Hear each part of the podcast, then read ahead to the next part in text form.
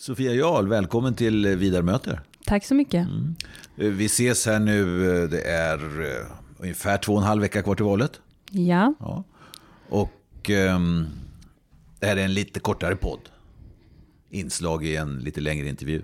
Ja, det blir spännande. Ja. Du har varit eh, oppositionsledare, kan man väl säga, eller gruppledare i varje fall för Moderaterna i Norrköping sedan 2014. Mm, det är lång tid nu, det är åtta år nu. Ja. Eh, det är lite ökenvandring när man är i opposition. Ja, det måste vara det, va? Är det inte? Jo, det är det. Och det är ju så att, jag menar, Moderaterna har ju varit i opposition i, i ett sekel nästan till i, i eh, Norrköping. Ja. Eh, så det är klart att ja, det, det är dags för oss att komma ur det nu. Mm. För om man ser på mandatfördelningen i, i Norrköping, jag, jag tittar sedan 1973 och fram till 2018. Så ni guppar ju upp och ner. Så att säga. Och ert enda hopp verkar vara att Socialdemokraterna minskar ju lite för varje val. Men, men själv, alltså ni har, eh, ni växlar lite. Har 20 mandat nu av 85 och ni har haft 24, 25 någon gång. Men... Ja, det skulle man säga. Jag skulle nog säga att eh, vi, vi håller oss ganska stabila, men vi har ju haft en tid eh, under Reinfeldt när den regeringen hade ett väldigt starkt stöd i, eh, i svensk politik, uppemot mm. 30 procent. Då speglade ju det också av sig i Norrköpingspolitiken. Mm. Och det är ju de åren du pratar om som, som våra kanske stora år. 2010 var väl det bästa året? Ja, precis. Mm. Men samtidigt så kan man ju säga så att Socialdemokraterna sedan 70-talet har ju stadigt tappat mandat för mandat eh, och vi närmar oss varandra. Mm. Eh, så att eh, så är det ju. Och jag, vi står ju inte jättelångt ifrån varandra rent mandatmässigt idag. Mm. När det skiljer sex mandat då?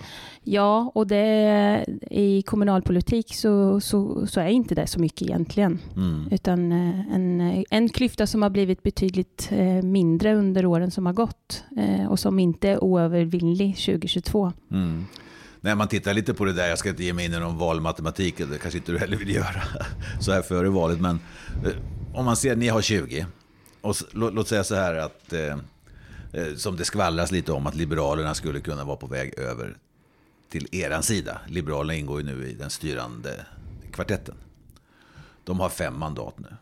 Och så skulle man behöva i så fall Sverigedemokraterna som eh, en partner av, av något slag. De har 14. Du kommer ändå bara upp i 39. Liksom.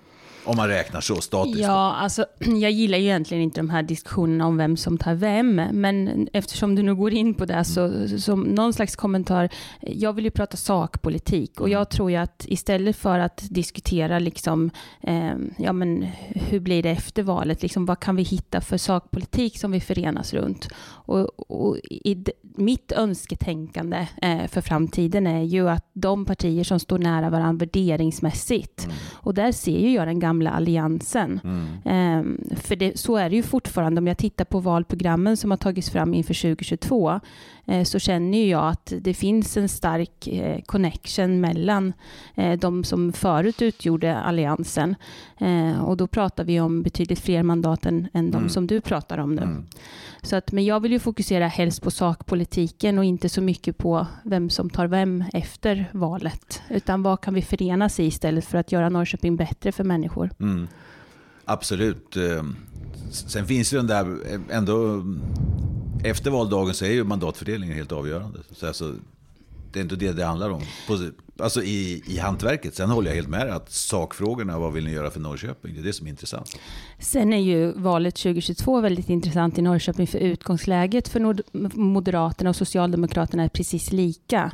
Eh, det är ju inte så att Socialdemokraterna kan visa upp en koalition eh, lika lite som jag kan göra det i dagsläget, mm. utan det är väldigt öppet eh, vem som ska samarbeta med vem. Mm. Eh, men jag tror att det viktiga är att komma ihåg att min inställning är att eh, hittar vi varandra i sakpolitiken, då är det mm. det som är helt avgörande. Mm. Och där ser ju jag en lättare framtid med de partier som ändå har de borgerliga värderingar som vi har när det gäller företagande, arbete, skola, vård och omsorg och så vidare. Mm. Jag läste en debattartikel i NT tror jag det var, eller om det var ett inlägg på din Facebook-sida där du är aktiv. Just nu kommer jag inte ihåg vilket det var. Men där du sa nej, vi kommer inte att, samarbeta, äh, att samregera ihop med Socialdemokraterna. Nej, och det, det, här tror jag är väldigt viktigt att, att eh, en röst på Moderaterna, det är en röst på ett maktskifte i Norrköping.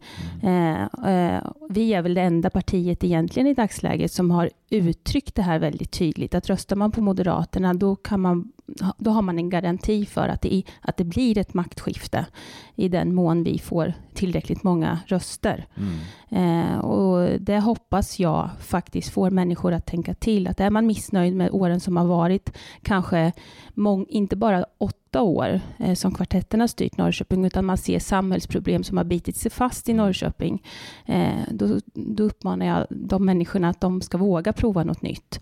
För är det så att man är missnöjd när vi kommer fram till 2026, då har man ju möjlighet att rösta på något annat. Eh, men det finns ju ett antal givna samhällsproblem i Norrköping idag som inte har blivit lösta på väldigt många år. Eh, och jag sticker ut nästan lite och säger att jag ser en lösning på många av de här. Eh, men det är först när Moderaterna får det mandatet mm. eh, och inte bidrar till att permanenta eh, ett socialdemokratiskt maktinnehav. Det är först då vi kan pröva andra lösningar. Mm. Eh, och det är det jag menar att jag vill göra de kommande fyra åren. Mm. Jag har sett på sociala medier, det har dykt upp en debatt mellan dig och flera socialdemokrater där. Eh, där du har sagt någonting om eh, att efter valet, om det blir en, en moderatledd styre här i, i Norrköping så snabbt, jag tror du nämnde 100 dagar, så skulle man kunna åstadkomma Ja, och jag kunde ha sagt faktiskt en kortare tid, för jag tycker att lösningen på de problem vi ser i till exempel demensomsorgen, det handlar ju om resurser, det handlar ju om vad man är beredd att prioritera och där har vi sagt att vi är beredda att, att det ska bli fler händer på golvet för att de som är dementa idag ska få en bättre omvårdnad. Mm. Eh, markfrågan har ju också varit en sån fråga. Jag ser att det finns en möjlighet att hitta en strategi framåt för att bevara jordbruksmark samtidigt som vi välkomnar hit nya företag. Eh, så att jag, jag sa hundra dagar, men jag skulle nog kunna säga ännu färre dagar. Eh, och jag förstår att det blir en diskussion mellan mig och Socialdemokraterna när jag sticker ut näsan och säger på det sättet. Därför det här är ju problem som de inte har kunnat lösa på decennier. Eh, och det är klart att det, de upplever det väldigt provocerande då om jag säger att det här kan jag lösa eh, med ett visst tidsmål. Men mm. jag är helt övertygad om att det går. Varför ser ni så olika på demensvården, ifall ni nu gör det. Alltså, men, eh, när det gäller eh, bemanningen exempelvis. Ja, alltså jag vet ju hur vi ser på det. Det här är ju de allra mest sköra människor som vi har i vårt samhälle, som inte har möjlighet kanske att uttrycka vad de behöver i vardagen. Eh, för mig är det självklart att de här gamla människorna som har arbetat och bidragit till vårt skattesystem under väldigt många år, att de ska få den hjälp och omvårdnad som behövs. Ja, liksom, det är inget ifrågasättande när personalen säger att vi inte hinner med, eller när de anhöriga säger att de upplever att det är vanvård. Eh, då har politiken gått snett och då måste vi återställa det som tidigare varit, eller göra det ännu bättre. Mm. De här människorna då, medarbetarna som ska in, i, i, i verksamheten. Det kan ju inte vara vem som helst. Alltså, jag reagerar ibland på när man säger fler händer. Ja, men det är ju inte vilka händer som helst. Om man ser på hemtjänstens problem till exempel. Man plockar in folk från gatan. Många, jag menar, det är väldigt svårt att få liksom, erfarna, och utbildade och duktiga medarbetare i, i, i vissa verksamheter. Ja, men det är klart att vi ska ha rätt personer på rätt plats och rätt personer med kompetens där det behövs. Men det finns ändå ett antal arbetsuppgifter inom äldreomsorgen och även demensvården eh, där man kanske inte behöver den högre kompetensen som undersköterska utan där det faktiskt räcker med att man är en god medmänniska. Eh, och att det också kan vara en väg in till att vi kan utbilda fler undersköterskor. Eh, och, och jag vet att det här möter motstånd bland annat bland Socialdemokraterna men jag tror på en väg in och jag tror på att människor eh, vill göra gott för andra människor och det, att vi kan nyttja det, till exempel inom äldreomsorgen. Eh, så att det är klart att vi ska ha kompetenta medarbetare som klarar av liksom den, den stora omvårdnaden.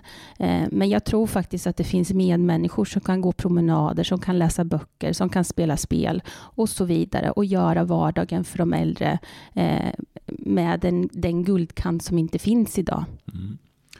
Ja, Sofia Jarl, gruppledare för Moderaterna i Norrköping. Nu är ju valrörelsen inne i sitt slutskede snart kan man säga. Hur, hur går valrörelsen för er här i Norrköping? Är ni ute och knackar dörr och ringer jag, folk? Och jag skulle säga att det är väldigt intensivt. Eh, det som, det som jag har märkt, och det gäller ju inte bara Moderaterna, det är ju att eh, varje valrörelse så blir den mer och mer professionell. Eh, det är mer professionell marknadsföring, det är mer strukturerat vad partierna gör, det är mer professionella debatter och så vidare. Så det blir ju liksom det blir ju en organisation som är väldigt styrd. Eh, men jag är väldigt imponerad, inte bara... Jag är väldigt imponerad av vad vi gör givetvis, för det är jag ju lite färgad av. Men jag är faktiskt imponerad av hela valrörelsen. Jag tycker det är god stämning. Eh, eh, vi har våra diskussioner om sakpolitiken, som, precis som det ska vara. Och ja, men jag tycker det löper på väldigt bra och har väldigt roligt faktiskt. Mm. Eh, när du är ute och knackar dörr till exempel eller eh, träffar folk på stan vid flygbladsutdelningar och sådant. Ehm, vilka är, vilka är de största samtalsämnena? Jag vet, jag har ju själv varit med om många valrörelser, det är oftast inga långa samtal. Men alltså, vad, vad, vad, är det för frågor som folk lyfter upp? Eller vad får du mest för frågor? Eller för kritik? Eller för...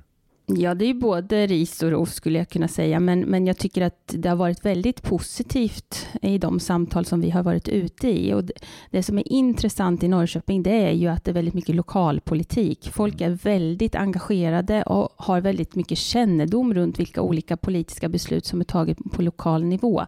Det är sällan vi pratar rikspolitik skulle jag säga. Lag och, och straff eh, och ja, rättspolitik är ju någonting som alltid kommer upp. Mm. Nu också energipolitik med givet läge läge. Eh, men sen är det ju de stora frågorna som, ja men vi pratade demensomsorgen alldeles mm. nyss du och jag, det är vägföreningar, det är vindkraft. Eh, det är de här lokalpolitiska eh, ja, frågorna som hänger i luften och som, som folk gärna vill diskutera. Mm. Gillar du att ha valrörelse? Det har jag alltid gjort. Jag tycker det är roligt. Jag ty alltså det här mötet med människor är väldigt roligt. Och, och någonstans när man är i en, en mellanperiod i en mandatperiod eh, så blir det ju väldigt mycket formella möten, mycket ärenden som ska hanteras och så vidare. Och då riskerar man att tappa lite kontakt med väljarna. Eh, men så påminns man igen alltid valåret hur roligt det är att komma ut och, och träffa folk. Och, och framförallt för att man får väldigt mycket nya idéer. Mm. Eh, alltså idéer skapar man ju inte riktigt i rådhuset utan det är ju när man möter människor och ser vad de har för vardagsproblem och mm. och vad man kan göra från liksom, politikens sida för att underlätta. Mm. Om vi för någon minut eh, sätter oss i helikoptern och åker upp lite och tittar på hela Sverige, den valrörelse som pågår där, så verkar det vara, enligt alla olika mätningar som kommer varenda dag nu här, men det verkar vara väldigt jämnt mellan blocken, eller vad ska jag säga, mellan högersidan och Socialdemokraterna. Det, det finns ingen formerat block på den andra sidan. Precis. Nej. Nej. Så vad tror du? Hur kommer det att gå? Ja, jag tittade min lilla spåkula igår. Nej, jag, jag vet inte, men jag, jag tittade på en väldigt intressant undersökning som hade eh, ett väldigt stort underlag av människor som hade uttryckt var de ser att Sverige är på väg. Är Sverige på bra väg framåt eller är man lite eh, negativt inställd på vart Sverige är på väg? Och det, det är tråkigt att säga det, men det finns en stor andel människor som tycker att Sverige är på fel väg. Eh, och utgår man ifrån den då, då, då blir det naturligt att tänka att, att man kanske gör ett annat vägval när det gäller politiken. Eh, och stämmer den någonstans överens med valresultatet, då tror jag vi får ett regeringsbyte. Mm. och det jag tror att det beror väldigt mycket på det som har hänt senaste ett och ett halvt året. Liksom energipolitiken, det har varit skakigt för människors ekonomi. Ehm, det som har hänt med eh, samhället när det gäller eh, lag och rätt. Det har varit mycket skjutningar. Vi har slagit liksom alla rekord och vi är inte ens i slutet av året än. Mm. människor känner otrygghet, eh, både för sin egen ekonomi och för liksom att, att vistas ute. Eh, och för sina barns framtid och så vidare. Och då ser jag det naturliga i att man faktiskt gör ett annat vägval rent politiskt. Mm. Men ändå så, ändå så står du och stampar. Jag kan hålla med dig ibland. Så, så tänker jag som så, liksom, alla de här frågorna som människorna i undersökningar lyfter upp och säger det här tycker vi är de viktigaste frågorna. Det är ju de, de frågorna som högersidan driver och har drivit länge. Så det borde ju, alltså om det fungerar enkelt, om det var enkla samband, så borde det vara en ganska stor ledning. Kan man tycka.